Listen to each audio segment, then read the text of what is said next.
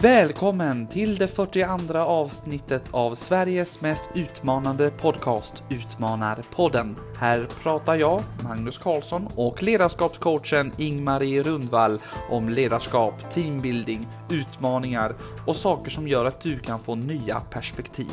Om du gillar avsnittet får du jättegärna dela det så att fler får chansen att lyssna. Och följ oss också på LinkedIn där vi heter Utmanarpodden så att du får nya tips och idéer på hur du kan utmana dig själv. I det här avsnittet träffar vi artisten Alex Falk. Alex är kanske mest känd för den breda publiken efter att ha medverkat i den första säsongen av Idol, men han har gjort allt möjligt inom showbiz musikaler, Wallmans och under senaste året då pandemin har härjat har han börjat satsa på sin skivkarriär. Lyssna på hur Alex tagit emot livets utmaningar, vilka idoler han har, hur han genomför en audition och en hel del annat bakom kulisserna. Nu åker vi!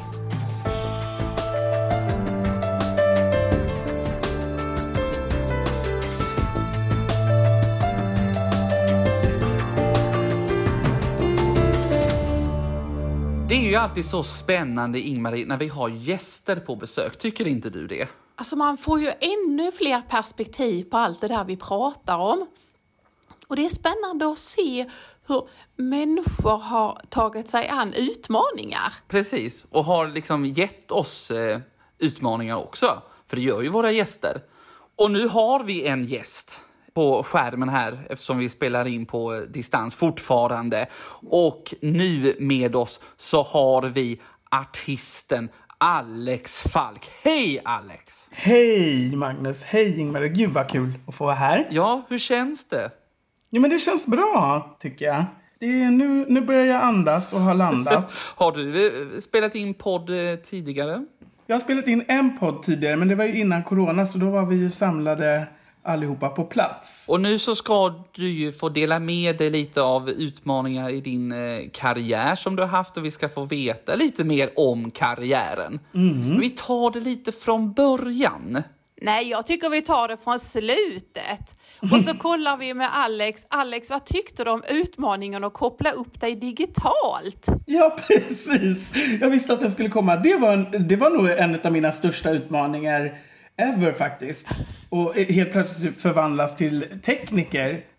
Jag tror att alla som känner mig skrattar ihjäl sig nu och undrar ens hur jag har ljud i min telefon här och kan spela in detta. För jag är den mest otekniskaste människa som finns på denna jord. Det här var ju nästan kanske lite taskigt att vi började den vändan för nu kommer dina kompisar att fråga dig om tekniska saker när de inte vet hur de ska göra. Det tänkte inte jag på. Så nu har vi outat dig som tekniker också. Ja, precis. Tekniker Alex Falk. Underbart. Ni kan ringa mig. Men då tycker jag vi kastar oss tillbaka från när du kanske inte var en tekniker, utan så här, från början. Vem är du skulle du säga? Jag är en kille som är 42 år gammal. Har hållit på och kämpat i musikbranschen sedan jag var 15, tror jag började sjunga. Har tävlingsdansat, varit med i lite musikaler, spelat i band, coverband, släppt egna singlar, släppt cover på, eh, med en grupp, tillsammans med en grupp på 90-talet. Åh, oh, vad gammal man är när man får säga på 90-talet. Vad härligt det känns. Men vem var du liksom innan allt det där, innan de här 15? Hur var du då? Eh, adopterad ifrån Colombia. Kom hit när jag fyllde ett. Bor, eh, uppväxt med mamma, pappa och min syster. Alltid varit en glad kille. Alltid älskat och dansat och sjungit och mimat. Alltså när jag... Jag tror jag fått höra att när jag precis hade kommit till Sverige och lärt mig gå så hittade jag liksom stereon i hörnan i vardagsrummet och där stod jag och dansade och mimade och sjöng och alltihopa. Så att gick man till den här stereon, eh, till högtalarna, då låg det liksom mackor och kex och sånt liksom, som jag hade tagit med mig och stå, har haft där i hörnan medan jag stått och sjungit. Liksom. Och så skulle jag redan på fritids sådär när vi skulle mima och eh, dansa. Då skulle jag koreografera allting och gjorde inte tjejerna som jag hade gjort, då drog jag dem i håret. Så jag var så här vidrigt barn också, så här elak. Du, Så hemskt. demonkoreografen. Ja, verkligen. Men när blev det, nej, var du 15 redan när du kom på att ja, men det här, ska, här ska jag liksom stanna kvar? Eller var du, hade du något alternativ? Fanns det någon sån här hållplats? För vi tycker om här i Utmanarpodden att prata om en hållplats. Fanns det någon hållplats där liksom som du tänkte, här står jag inför en vägval? Nej, alltså det är ju det som är så sjukt. Jag har ju aldrig haft... Jag har aldrig haft i tanke att göra någonting annat än att sjunga, dansa, spela teater. Alltså det har ju all, aldrig funnits på kartan att jag skulle kunna göra någonting annat. Jag vet inte om jag tvivlar på att jag är tillräckligt smart för att göra någonting annat. Nej, men det låter så här dumt. Nej, men det har alltid bara varit i mitt huvud att det är det här jag vill göra. Jag måste få göra det här.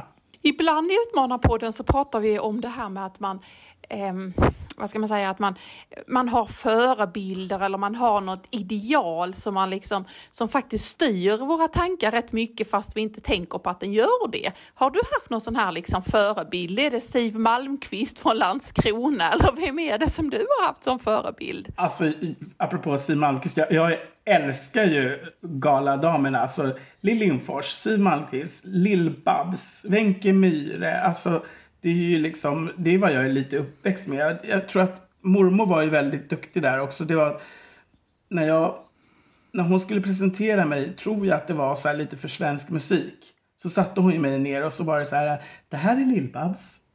Du måste lyssna lite på henne. Det här är Siw Malmkvist, Ann-Louise Hansson. Alltså det satt, och det har suttit i hela vägen. Jag kommer ihåg när jag var sex år så var vi på Skansen och tittade på Lill Lindfors. Och pappa lyfte upp mig på sina axlar och jag vinkade till henne och hon vinkade tillbaks.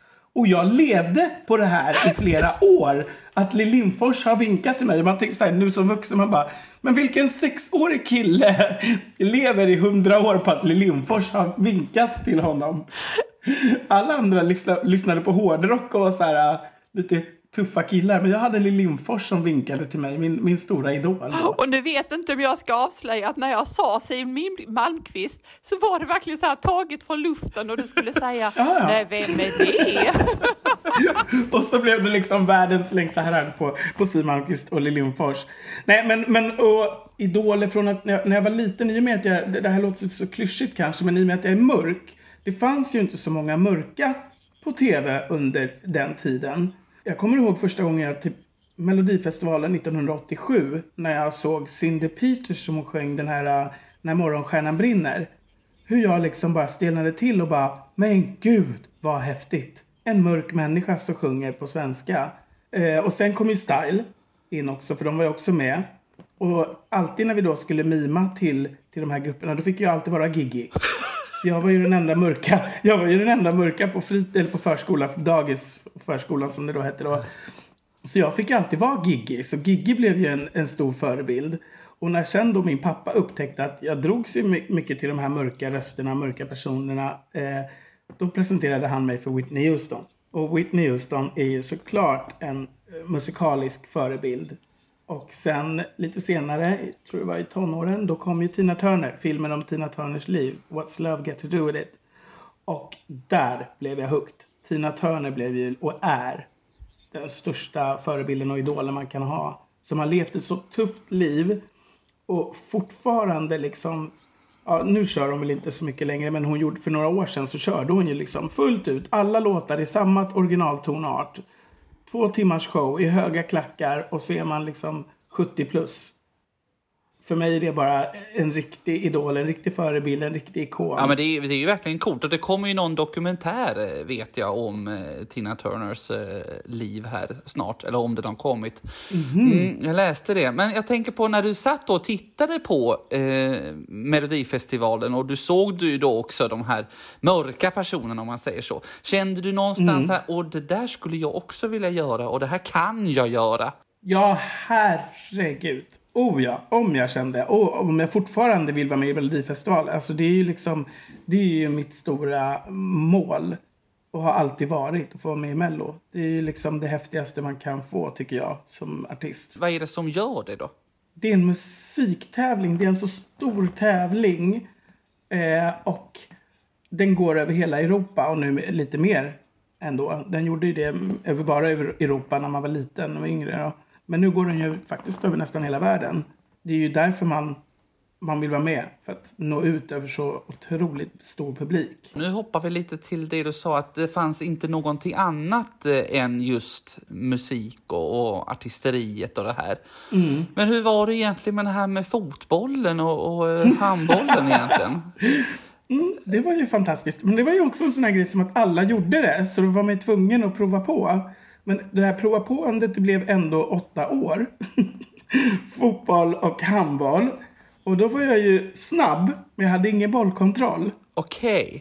Sen blandade jag väl in lite av dansen i fotbollen för de, gånger, de få gånger jag gjorde mål, när då julade jag liksom över hela planen. Och körde kanske någon liten Whitney Houston. Ja, en liten cha-cha-cha där på scenen. Scenen, det heter planen, heter det. På scenen, på fotbollsplanen, du ser. På fotbollsplanen heter det. Men det var ju publik som tittade såklart, det är scenen. Ja, det var ju som en scen. Men, men du började tävlingsdansa också väl? Började i tredje eller fjärde klass i Rodins dansstudio i Älvsjö. Eh, han startade, Gunnar Rodin startade Rodins dansstudio och egentligen är det så att i femte klass kom han till skolan och så började han undervisa och på det sättet så plockade han med många ungdomar till dansen. Men jag ville ju som sagt då börja redan tidigare så mamma och pappa sökte upp eh, Rodins dansstudio och så gick jag dit två dagar i veckan och började där och dansa. Då började man ju lära sig foxtrot och bugg och sånt. Och sen så blev jag helt fast på det. Och då blev det så också att du tillsammans med då din danspartner då, tänker jag, Eh, och då ut och, och eh, dansade och tävlade i det här. Hur, hur var det? det? Det går nästan inte att beskriva den känslan hur det var att varje helg få åka till olika platser i Sverige och träffa folk i ens egna ålder eller äldre eller yngre. Och, eh, och så tävlar man och du vet man hade glitterkläder och man gjorde sig i ordning och man åkte dit. Alltså den här gemenskapen. Bara man åkte med, med buss med alla dansarna till Gävle till exempel. Och så en hel dag umgås och dansa och publik och det var liksom föräldrar, korvsmörgåsar och kaffe runt omkring och, och så hur mycket människor som helst. Eh, absolut, en, en, en av de bästa tiderna i hela mitt liv. Var tävlandet det viktigaste eller var det själva, eh, hela paketet? Ju yngre man var, när man var liten, när man var 8-9 år, då var det nog mycket gemenskapen. Sen blev det väl mer blodigt allvar när man blev äldre och kom upp i klasserna lite. För, för när man vann, om man, jag drar det snabbt, om man börjar dansa cha-cha till exempel. Alla börjar tävla i cha-cha. Sen vinnarna får poäng och sen går man upp en klass hela tiden och då blir, läggs på en dans och det läggs på svårare koreografi, det läggs på lite mera glitter på kläderna och lite sånt där. Man får liksom friheten att göra lite mer i dansen. Så ju högre man kom, desto mer blev det ju allvar såklart. För sen fick man ju då, vissa par får ju börja representera Sverige utomlands och sådär. Så det är klart att det blev ju mer allvar ju äldre man blev. Men det var fortfarande lika roligt och det är fortfarande bra stämning. Och så lärde man känna folk över hela landet. Som man träffar varje helg. Så att man växer ju liksom upp tillsammans med folk. Så, och det är det som är så roligt. Jag har fortfarande kontakt med de flesta av alla dansarna under den tiden. Via Facebook då och så. Här. Om jag då säger ordet eh, utmaning. Vad var det för som var utmaning under den tiden? Ja, utmaningen var nog att hålla sans med sin partner. För det uppstår ju, det är som att vara gift. Alltså det uppstår ju mycket konflikter. Och hade jag kanske, jag var ju ganska kittlig som barn, alltså jag är lätt för att ta åt mig så att så fort hon sa nu gjorde du fel där, då blev, kom ju min försvarsmekanism och så började man ju bråka. Så det är nog den största utmaningen att hålla sams. Inom och det gäller nog från åtta år upp till 45, 50, 60, 70, 80, 90. Ja, men ni förstår vad jag menar. Ja. Så det, ja, så det är nog den största utmaningen. Det tror vi också. Men, men vad gott att du kunde se att det var utmaningen där. Men för att vi inte ska fastna att du är fortfarande åtta år och nio år och så uppåt så måste vi väl ta din tv-debut. Var det tv-debut när du var med i Idol eller hade du varit med innan i tv? Tv hade jag varit med i några gånger. Jag var med i Sportspegeln då i och med dansen. Då var jag nio, åtta år första gången och sen så fick vi vara med på Lilla Sportspegelns tioårsjubileum. Och då var jag nog 30. 12, 13. Så det vill jag säga var första gången jag var med. Men då sjöng jag ju inte utan då var det dans. Eh, Idol 2004, om jag ska vara lite ärlig, så var det faktiskt ett år tidigare. Fame Factory sökte jag och var, åkte ut innan de gallrade ut. Eller jag åkte ut innan huset. För i Fame Factory då kom man ju till skolan, till det här huset och bodde där. Och eh, precis innan de skulle till huset så åkte jag ut för att Bert ville inte ha med mig. Denna Bert Karlsson. Denna mytomspunne man. Eh.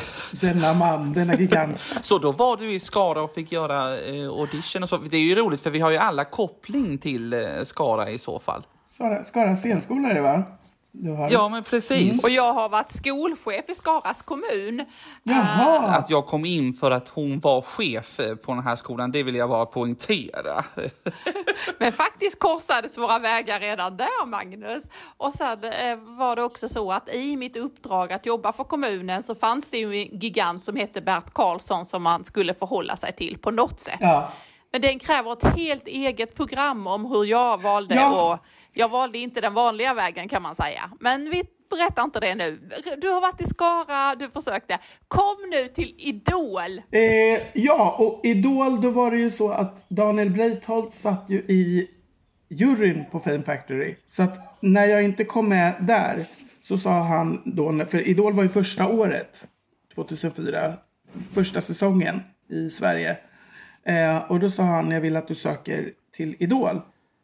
För där kommer inte Bert sitta. Så sa han faktiskt inte. Men eh, det var ju inte Bert heller. Det var ju eh, Daniel Breitholtz, Peter Swartling, Kirsti och eh, eh, Klabbe. Så då sökte jag dit. Vad sjöng du då? Jag sjöng, första audition så sjöng jag Doobie Brothers, Long Train Running, klassiker. Som sagt, det var ju första säsongen. Vad visste du om det där programmet? Ja, jag visste ju faktiskt om, ingenting om Idol, utan jag tänkte ju att det skulle vara som Fame Factory, fast jag hade förstått att man inte skulle bo någonstans. Jag hade inte tittat på Idol, det är från USA. Jag hade inte sett de programmen heller.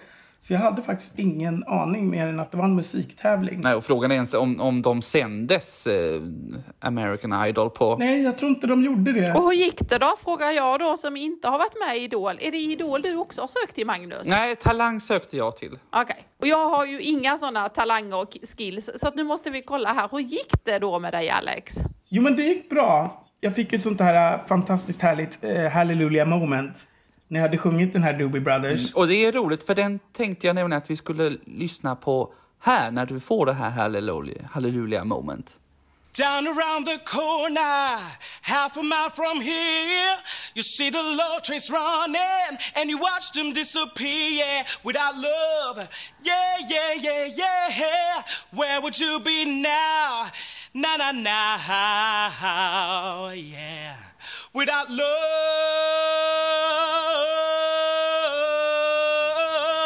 You know, I saw Miss Lucy down around the tracks. She lost her home and her family, and she won't be coming back without love. Where would you be now, now, now, now, yeah, without love? Ja, för mig är du solklar. Daniel? Du sjunger jättebra. För mig är du också given. Tack så jättemycket. Klas? Din timing är okej. Okay.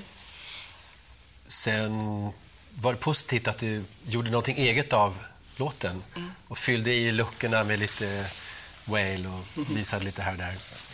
Ja, säger jag för att skicka vidare dig. Mm. Väldigt bra röst.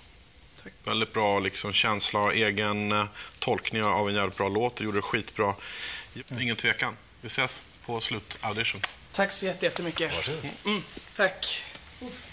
Hallelujah moment. Hallelujah, praise the Lord. Hallelujah moment. ja, det var väl roligt. Ja. Få höra det igen. Ja, verkligen. Jag har typ inte kunnat titta ens på Idol eller Fame Factory när jag har varit med i det, för jag tycker det är Vad så är det jobbigt. som utmanar dig att titta på det eller att du inte fixar att titta på det? Men det är alltid, det, man är ju så otroligt självkritisk. Det är ju det. Och det är så många år sedan när man tycker att det har hänt lite mer grejer med rösten, bättre saker med rösten. Och sen tyckte jag... Jag hade... Jag ångrar inte att jag varit med. Absolut inte. Det kan man inte göra tycker jag. Men, men jag hade nog hellre velat varit med och sökt Idol kanske nu. När man har sett hur det fungerar, vilken tävling det är och liksom lite, har lite mer kött på benen. Åldersmässigt också, absolut. När man är lite ung och, och förvirrad kanske och springer iväg på sånt där och inte riktigt har koll på dels hur, vilken effekt det har, alltså hur stort det blev i Sverige eftersom det också var första säsongen. Då var man ganska omogen och jag tror att man hade- tacklat det lite lättare idag. Och, och det var ju den säsongen som eh, Darin eh, var med och eh, Daniel Lindström eh, vann. Loreen. Loreen, ja precis. Vilken plats kom du på? Jag var tia. Jag var i topp top 10, så det, det var jag ju nöjd med ändå. Var du nöjd då? Nej, jag hade velat, jag hade velat gått vidare några gånger till. Eh, när det, blir, det var ju teman också. Så att de fick ju svenskt tema och så fick de ju, jag tror de fick soul precis gången efter jag hade åkt ut. Så det kommer jag ihåg att jag blev eh, väldigt irriterad över. Men sen var det också väldigt roligt eftersom 2000, det är, inte, det är ju, vad är det, 17 år sedan. Men jag kommer ihåg att Peter Swartling hade, ändå, hade sagt också så här. "Åh, Jag tror att svenska folket tror, eh, tycker att Alex kanske är lite för mycket gay och lite för mycket sånt. Ah. Man tänkte också så här. Herregud, jag var ju, jag var verkligen jätteöppen med att jag var gay. Körde på det liksom kortet. eh, Och fick ändå ta ganska mycket skit. Som jag inte tror att om man hade gjort idag och sagt att man är gay och söker sådana tävlingar så hade inte det spelat någon roll riktigt. Kände du att du fick bli frontfiguren för gayartisten? Nej, jag känner nästan tvärtom. Jag känner att jag liksom fick nästan mera skit för att jag gjorde det. Alltså både från gay-communityt också liksom. För jag sa något så här, jag, jag slängde väl ur mig att ja, då, jag hoppas att eh, liksom gay-människorna röstar på mig. Och då fick jag, jag kommer ihåg att det stod så här, eh, någon journalist från någon tidning hade skrivit så här, ah, gay, gay-publiken röstar på dem den tycker det är bra, inte för att den är gay liksom. Och det var inte riktigt så jag menade heller, utan jag tänkte bara att jag kanske får en, lite hjälp ändå, eller så här. Men mycket elakt från både gay-communityn och straight-publiken tycker jag. Hur tacklar du den liksom, kritiken? Och, och för när man då är med i Idol eller man är med i en realityprogram som jag har varit så får man ju liksom utstå en hel del. Eh, lite spott och spä eller väldigt fina kommentarer. Liksom. Jag har väldigt bra familj och släkt och vänner som hjälper, hjälper till. Som jag kan vända mig till. Så att jag tror att det är mycket det som har hjälpt. Att jag klarar det. Eh, jag tror inte att jag hade tagit det lika hårt idag. För som sagt, jag är 42 år idag. Jag har varit med, hela mitt liv har ju varit liksom mycket fördomar emot en. Så att jag tror att jag också har blivit hårdhudad på grund av att det har varit mycket genom tiderna, genom åren. Men jag vill nog säga att det är nog mest mamma och pappa och släkt som har varit, som har varit där och, och hjälpt till. Men sen var det också, så det var ju så roligt för den gången när jag åkte ut, då stod det ju på löpsedeln. Här flyr han av scenen, inte ens psykologen kunde hjälpa honom och hej och Men det roliga var att vi, jag spelade i ett husband på restaurang Victoria, nattklubb Victoria, eh, varje fredag efter Idol. Så jag sa ju verkligen till, till, till journalisten att jag måste ju, självklart var jag ledsen också att jag hade åkt, absolut. Men så sa jag så här, vi måste ta det här ganska snabbt för jag ska stå på scenen på Vickan med mitt band. Så vi har lite bråttom. Och så bara smackar de upp på löpscenen att jag flydde av scenen. Och, och, så- och på lördagen sen, dagen efter, då skulle vi med samma band spela på ett bröllop. Du kan ju tänka dig alla gäster som har läst den här löpsedeln, som har mig på sitt bröllops dagen efter. De bara tittade på mig typ som att snart bryter han ihop. Snart bryter han ihop och, och gråter och man bara nej, löp, löpsedeln det stämmer inte för då hade inte jag varit här. Då hade jag väl varit inlagd liksom, i sådana fall om det hade stämt. Men du Alex, om vi fortsätter. Vad är nästa hållplats i ditt, eh, i ditt liv där du känner att här hände det spännande saker? För visst är det så att du har hankat dig fram på artisteri, eh, musikaler. Du har verkligen lyckats med det, eller? Ja, jag har gjort några musikaler, bland annat på Göteborgsoperan, eh, La Cage aux Folles. Eh, jag har gjort Rent på turné, eh, Rent på Göta Lejon eh, och Rent på Göteborgsoperan, musikalen. Eh, La Cage aux Folles fick jag göra samma roll uppe i Gävle. Eh, med Babsan och Magnus. Ja, jag var tyvärr inte med på scen, det var ju lite tråkigt. Men, Nej, men, ja, men du, du, var, du var ju med. Och sen har jag gjort din showstar på Wallmans salonger i många, många år. I Stockholm, i Helsingborg och i Oslo. Blev Wallmans direkt efter eh, Idol eller hade du liksom något sånt här? Eh, nästan direkt. Jag, nej, jag gjorde Rent, musikalen Rent först. Den gjorde jag direkt efter gymnasiet nästan. Eh, jag sökte faktiskt Wallmans där under Fame Factory-åren. Eller för, eh, ja, Fame Factory-året 2003. Och så sökte jag Wallmans tre år i rad och fick det inte och var lika ledsen varje gång. Och sen ringer Anna som jobbade på Wallmans, ringer upp mig och bara Ja, vi vill att du kommer på audition. Och jag typ skrattade henne nästan i ansiktet och bara, men jag har sökt tre år i rad. Jag kommer inte förnedra mig och gå på en audition till för att få det här brevet hem. Hon bara, nej men eh, Tessa Merkel från Alcazar ska sätta upp showen i år. Jag vet att hon är, vill att du kommer och söker. Så då gjorde jag det och där började Wallmansresan och det, det tror jag var 2006 kanske. Alltså jag tycker det här är jättespännande eftersom jag älskar det här ordet utmaningar då. Alltså hur är detta att gå på en audition? Ja, där kan vi säga utmaning, utmaning, stress, utmaning, gråt. ja, nej, det är fruktansvärt. Det är verkligen fruktansvärt. Eh, det spelar egentligen ingen roll när man kommer in på audition om de sitter och är jättegulliga och jättetrevliga eller om de sitter och är helt inte alls intresserade. Det är lika hemskt ändå. Man blir alltid lika nervös. Det går... För nu pratar jag om mig själv då, hur jag är. Men jag blir alltid lika nervös. Och det var efter fyra år på Wallmans, då har man ändå lärt känna personerna som sitter i juryn och man jobbar ju med dem och sådär. Men så fort man kommer på audition, man blir som ett psykfall. Man går upp på scenen, tar tag i micken för att man vet att man ska prata i micken. Tar tag i micken och hör att det kommer ut en helt annan röst när man pratar. Och de bara tittar upp och bara, vad gör du? Ja, jag vet inte, men eh, jag pratar så här just nu. Och så pratar man och de blir, man blir intervjuad av dem. Sjunger det man ska. Går av scenen, ska säga hej då till dem. Och då pratar jag så här normalt igen som jag brukar göra. Då har man liksom lagt på någon auditionröst helt plötsligt. Som man, ja, det är så konstigt. För att man blir så nervös. Och säger konstiga saker. Och ja, nej, det är, det är en utmaning att gå på en audition. Och man känner sig naken. Jag ju, tror ju mycket på det här att man att man på något sätt, ibland kan man våga utma utmana sig, men man måste liksom ha hittat strategier. Har du kommit på, vad gör du för att ändå överleva? Alltså jag gör en klassisk, jag ska vara ärlig, jag gör den klassiska, jag, jag, jag försöker se att alla är nakna framför mig. Men du gör det?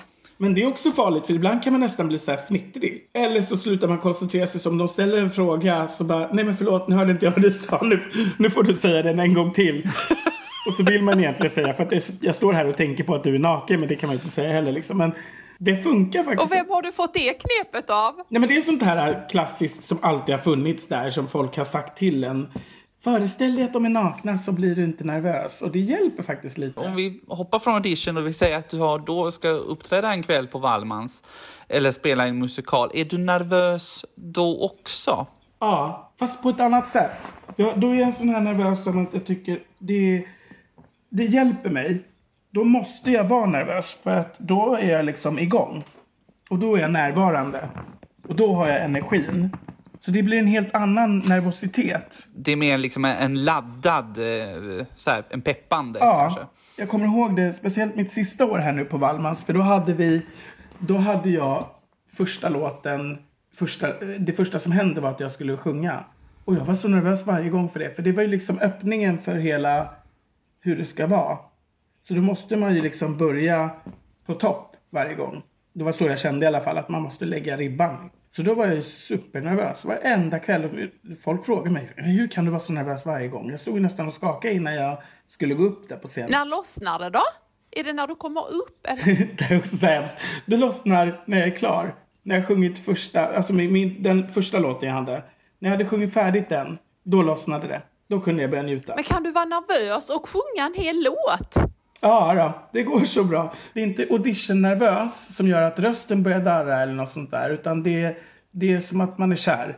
Fjärilar i magen. Så det är ganska skön känsla. Det är svårt att beskriva, men det är ganska skön känsla eftersom det, det kickar ju igång energin också man vet att det kommer bli kul, att det, den här kvällen kommer bli bra. Så det är inte bra att ha en sen eh, entré, utan ja, för då är du nervös ända dit tills dess. Ja, då hinner man ju bli ännu mer. Ja, precis. För så var det ju i La Cache. Då var ju, då hade, det var ju ett tag in. För då körde ju hela öppningsnumret och sen så var det ju lite sen och så sen och sen kom jag in. Och då hann man ju gå där och, och tänka och så börjar man tänka repliker. Så det är ju också livsfarligt. När man ska börja eh, spela upp replikerna innan i sitt huvud. Ja, de kommer man ju inte ihåg.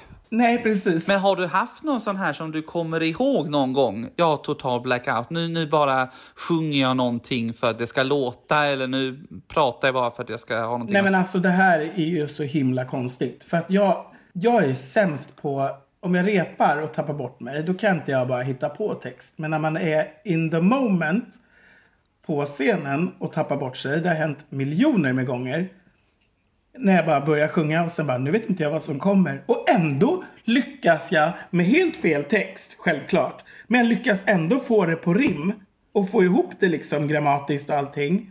Men jag har ingen aning om hur jag lyckas göra det. Simone stackars som jag sjöng en eh, duett med. Först, vi hade ett Ed Sheeran-nummer. Eh, och då började jag sjunga... Na, na, na, na, na. Hur fan går den? Ja, nu kommer jag inte på vad den för det är så länge sedan. Men, och sen skulle vi sjunga duett i alla fall ihop. Och då ser jag liksom när, hon har hört att jag har sjungit helt fel text och hon börjar vandra upp på, scen, på scenen och med, med det största leendet. Hon bara går för att hon skrattar så mycket egentligen för att jag har sjungit så fel text. Perfect heter den. Perfect med Ed Sheeran och eh, Beyoncé, den ja. Fast jag måste säga då, jag känner igen mig där Alex. Jag, eh, innan corona var jag ute en hel del och föreläste och så och håll utbildningar och föreläsningar och så då kanske gång ett och gång två och gång tre och sen gång 28 då. Alltså jag kan också eh, få helt släpp men sen så bara Nej men man vet ju ungefär var man kommer och så kommer man in på vägen igen. Man var ute på en åker och åkte liksom. Känner du igen dig Magnus? Ja, absolut. Jag tänker att det är den här erfarenheten som man har byggt upp någonstans. Att man vet ju vart man vill och var man ska komma och sen så kanske man då man glömmer bort. Men då, då, då har man det här i ryggmärgen i alla fall så man kan ta fram det för att komma rätt igen. Det är inte så att man känner, åh nej, jag, jag, vet inte alls, utan att man då kommer på att äh, nu, nu drar vi det här istället och så. Men det är det, min, min, en av mina största favoriter är Marianne Mörk. Och när, jag har hört att när hon gjorde Romeo och Julia så sa ju, fick ju Måns Zelmerlöw frågan hur det var att jobba med henne. Och han sa det ja men det är så roligt för alla föreställningar är helt olika liksom. Och hon bara, ja men det är ju bara för att jag aldrig kommer ihåg mina repliker. Hon sa olika repliker hela tiden. Man kan höra henne säga detta. Men nu nämner du ju en, en äldre dam här inom showbiz. Vad, vad är det med dig och de äldre damerna? Det, det är någonting stort. Ja, det är våra legender. Jag tycker ordet legend idag är, har blivit någonting som ett slang. Folk slänger ur sig det bara för att slänga ur sig det. Och han är en legend. Och då tänker jag här, nej det där är ingen legend. Om du har varit med i Paradise Hotel, då är det ingen legend. Nej men... Jag håller det, helt med. Så är det. Ja. Och jag tycker vi är så dåliga på att hylla våra fantastiska, riktiga legender. Jag tycker... Jag tycker ja, men det. de som har banat väg egentligen genom... Eh, Exakt. För jag kan känna så här när man pratar om, eh, om Lill-Babs och man pratar om henne hur hon var bakom scenen och hon tackade alla hon var så liksom. Mm. Det är ju någonting som jag kan känna att jag eftersträvar när jag är ute och, och giggar eller sådär. Att Gud, verkligen vara ja. tacksam för att alla har ju bidragit. De i disken har faktiskt bidragit till att ja. vi har fått en fantastisk kväll liksom. Ja, när, jag, när jag sjöng på Tallink, Silja Line då hade det gått en dokumentär om Lill-Babs och jag blev så här, men det är ju precis det där man vill ha. Man vill, vill bli ihågkommen för att vara en sån person. För att alla är ju med och drar sitt strå till stacken. Så jag körde på den. Vi hade dansare från Estland, Lettland och Litauen. Och jag blev så här, nej men jag ska, nu ska jag köra. Så att jag lärde mig såklart alla ensembles namn. Som jag var den enda sångaren och, och de andra var dansare. Sen hade vi nöjeskryssningscheferna som presenterade oss. Vi hade scentekniker, ljudtekniker. Jag pluggade in alla namnen och slängde ihop det i, i, i outrot då, den korta tiden vi har för att, att tacka av. Egentligen bara dansarna. Så gjorde jag det ganska fort för att jag ville ha mer ljud och ljus. Jag ville ha mer. Och de var helt chockade på båten. De bara, men det här har ju aldrig hänt att någon har tackat liksom Spotlights-killen. Och jag bara, fast det, jag har lärt mig att det, det, är så man ska göra. Och jag tycker att det är, det är så man ska göra. Det handlar om vett och etikett och det handlar om att vi jobbar som ett team. Och vad glad jag blir. Detta är liksom utmanarpodden gånger hundra. Vad glad jag blir Alex. Men nu är det så att det, Ja, det finns en annan sak som är väldigt typiskt för utmanarpodden det är att klockan går väldigt fort. Så nu, så nu måste vi liksom undra, vad är nästa utmaning? Du har jag berättat om ett fantastiskt eh, 42-årigt liv med otroliga framgångar och vi förstår också många utmaningar. Vad är det för utmaningar du har framför dig? Eh, dels så har jag en, en utmaning som jag tyvärr inte kan prata så mycket om, men det är en långfilm som vi ska börja spela in i maj och juni. Utmaningen där är att det är bara jag som inte har skådiserfarenheten i, i bagaget. Så det blir en stor utmaning att komma med de här stora namnen som faktiskt är med och leverera med dem. Det eh, känns hedrande, men det känns också så otroligt läskigt. Och som sagt, du kan väl inte säga så mycket om det tyvärr? Vi, Nej, tyvärr vi skulle inte. vilja luska mer, men vi får väl vänta på att filmen, eh, man kan se den sen. Ja, precis. Jag vågar inte. Det, det känns så dumt om jag blir av med rollen för att jag babblar för mycket. Men kan du säga... Men kan du säga någon genre? Alltså vad är det för sorts? Eh... Familjedrama. Ja, okej. Okay. Nu stoppar jag dig Magnus. Jag riktigt ser hur nyfiken du är nu, så nu stoppar vi dig Magnus. Ja, precis. Ja, jag ser. Eh, så det är faktiskt en utmaning. Sen har vi en utmaning till. Det är att jag har börjat sjunga i ett rockband. Jag har alltid fått, drömt om att få sjunga rock. Jag tycker att det är så otroligt roligt. Eh, och sen har vi en kille som heter Fredrik Hultgren som plockade upp mig. Vi gick i skolan ihop på Rytmus, Stockholms musikkonservatorium. Och han plockade upp mig till det här bandet som nu kommer heta Fans of the Dark. Mm. Eh, och vi har spelat in ett helt album och eh, singeln kommer att släppas 4 maj. Eh, singeln och videon. Och det har varit en stor utmaning. För det är en genre som jag inte riktigt är så hemma i. Men jag tycker det är väldigt, väldigt kul. För jag tänker att nu har du ju faktiskt under det senaste året här har du ju släppt en hel del låtar. Alltså, har du kommit mer in på liksom den mer renodlade artistsvängen om jag säger så? Jo, men absolut. Och anledningen till att jag inte riktigt har spelat in någonting innan under alla dessa år, det är för att jag inte vetat vad jag vill göra.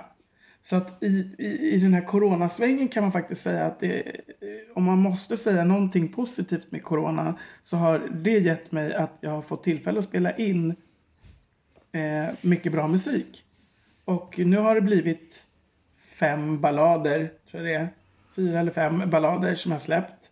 Och sen det som mm. kommer ut nu, det blir rock. Så det ska bli väldigt kul att se hur folks reaktion blir när den här mörka tanten som har sjungit ballader helt plötsligt ska skrika och kötta liksom alla rocksångare här. Så, ja, det blir väldigt intressant. Men det är som sagt, det är superroligt. Men du, är det så här att de här utmaningarna som du nu pratar om, har de ramlat framför dina fötter sedan du var åtta? Eller letar du upp dem? Eller är det bananskal som gör att du kommer eller är det sån här medveten, jag ska utsätta mig för att sjunga rock någon gång innan jag är 45 eller hur ser det ut liksom? Ja, jag tror nog att det är väldigt blandat. Alltså, för jag har alltid sett mig själv som att man utvecklas inte om man inte provar eller om man inte vågar. Så att jag har nog haft det som ett motto, även om jag aldrig har uttalat mig om det så, så är det ett motto för mig att vågar du inte så, så har du liksom inte provat. Man måste prova, man måste våga. Eh, Så att jag tror det, det är nog lite 50-50 där. Att det kanske också har halkat in av en slump i det här. Men som musikaler till exempel. Jag, jag tänkte ju, hade inte alls tänkt i de banorna innan att jag skulle prova på musikaler. Aldrig när jag gick på Rytmus. Utan då var det bara ballader jag skulle sjunga. Det är punkt slut. Och sen så pushade min tjejkompis mig att nu kommer en musikal som heter Rent. Du måste gå på audition för den. Och så började jag lyssna på musiken och bara, men gud vad är det här? Ah, ja, jag går väl och provar. Tyckte att jag sjöng så otroligt dåligt på den audition så att det fanns inte. Och så Nick By, då engelsk som eh, regissören, han bara jättebra, vi vill ha med dig. Jag tyckte, men herregud, jag sjöng ju så dåligt. Men då gillade han teaterprovet väldigt bra så det, det var ju en utmaning i sig bara av att, att gå dit och sen ändå få det. Fast man sjöng så dåligt då som jag tyckte. Ja, men vad gott att du kan se att det är en blandning av både liksom bananskal men också att du har lite försatt dig i en situation utifrån ett synsätt som du har ju. Ja, Nej, men det, det, det måste man tror jag. Om man vill vara bred också så, så måste man ju köra. Du, vet du vad? Nu ska vi ge dig en utmaning som du inte alls vet om. Mm. Nämligen att Utmanarpodden brukar sluta med att vi ger en utmaning till våra lyssnare. Så nu ska du få ge en utmaning till våra lyssnare och lite till mig och Magnus. Mm. Och herregud vad svårt. Men jag... Någonting som jag tänker ofta på när jag är ute och går med min hund. Det är... I dessa tider nu så har det blivit ganska hård miljö. Alltså folk är ganska, jag vill inte säga elaka mot varandra, men det är ganska kylig stämning. Så ett hej till en främling och ett leende till någon ni träffar och våga titta på den i ögonen och säga hej och le. Det är en utmaning som jag skulle vilja ge till alla. Och inte bara vända ryggen emot eller liksom visa att eh, corona är så farligt så jag måste, jag måste titta bort nu när vi möts. Utan man kan fortfarande titta bort men man kan säga hej innan och le till varandra så blir det inte lika kyligt det mötet. Det låter ju toppen skulle jag säga. Där kommer vi lite in på det som vi pratade om innan, det här med att eh, viftar hon här? Jag vet inte vad det är hon vill. Eh, men... Alltså jag tyckte det var så himla bra av Alex. Jag tyckte jag blev helt tårögd så jag kan inte prata. Så nu gör jag en signal, du får du klippa bort detta. Jag tyckte det var skitbra av Alex. Jag tycker bara du ska bekräfta det Magnus, ja. jag gråter här. ja, det är jättebra utmaning skulle jag säga. Nu, mm. Det var lite sånt som vi pratade om innan, att, att, att bidra till den här glada stämningen eh, och att möta då en främling i, och säga hej. Eh, något som man ofta glömmer. Eller hur? Jag tänkte också, vågar man, om man vill göra en utmaning deluxe, då ska man faktiskt också ge en komplimang. Men det är, är, är lite över då. Att våga ge en komplimang till någon du inte känner. Och det kan ju bara vara fin jacka, Kanske inte så okänsligt som jag precis sa det, men ni förstår vad jag menar. Fin jacka, fina skor. Ni förstår vad jag menar. Det liksom blir ett plus att också lägga till en, en komplimang. Absolut. Tack så jättemycket för den utmaningen. Vi kommer att göra en litet inlägg med, med bild på dig Alex och då kan vi ha den här där den här utmaningen står och då kan vi ja. eh, se här vad ni vad lyssnare, om ni gör den här utmaningen, och vad ni får för reaktion ifrån den som ni möter och säger hej till eller ger en komplimang. Eller och ger en komplimang skulle jag säga. Vi hade ju kunnat gå in hur mycket som helst på den här artistkarriären, men vi hade ju en före detta fotbollsspelare som heter Daniel Theorin som gäst i eh, Utmanarpodden för några avsnitt sen. Och då blev det väldigt mycket fotboll, nästan så det blev en fotbollspodd. Och det här skulle kunna mynna ut i en artistbranschpodd eh, med bara en massa anekdoter eh, bakom scenen och så vidare. Men det får vara en annan, eh, det får vara ett annat poddavsnitt i en annan podd kanske. Vet du vad Magnus? Det var det ju så att jag var helt säker på att du skulle komma fram till att du ville ha någon gratisbiljett av Alex.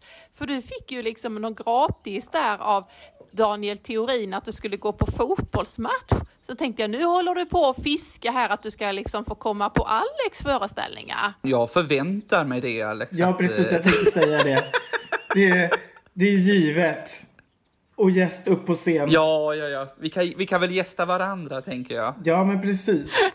Då vill jag säga tack till dig, Alex. Vad underbart att du kunde liksom eh, från hjärtat och helt utifrån eh, dina tankar, dela med dig av hur ditt liv har präglats av utmaningar, hur du har härbärgerat dem och faktiskt lyckats och lyckas. Jag ser ju jättemycket fram emot filmen och jag lovar att gå in och lyssna på din musik. Tack för att du ville komma till oss Alex. Och då vill jag säga tack så jättemycket för att jag fick komma och tack så otroligt mycket för en trevlig stund. Superkul. Ja, men det var jätteroligt. Och så finns ju din, om man vill lyssna på musiken så finns den på Spotify. Och då säger vi namnet igen. Alex Falk. jag tänkte, vems namn ska jag säga? jag, jag tänkte det också. Ska jag säga eller ska någon annan? Nu kommer det in någon här och säger mitt namn. Nej, Alex Falk och sen Fans of the Dark också med rockgruppen sen. Jättebra. nu stänger vi!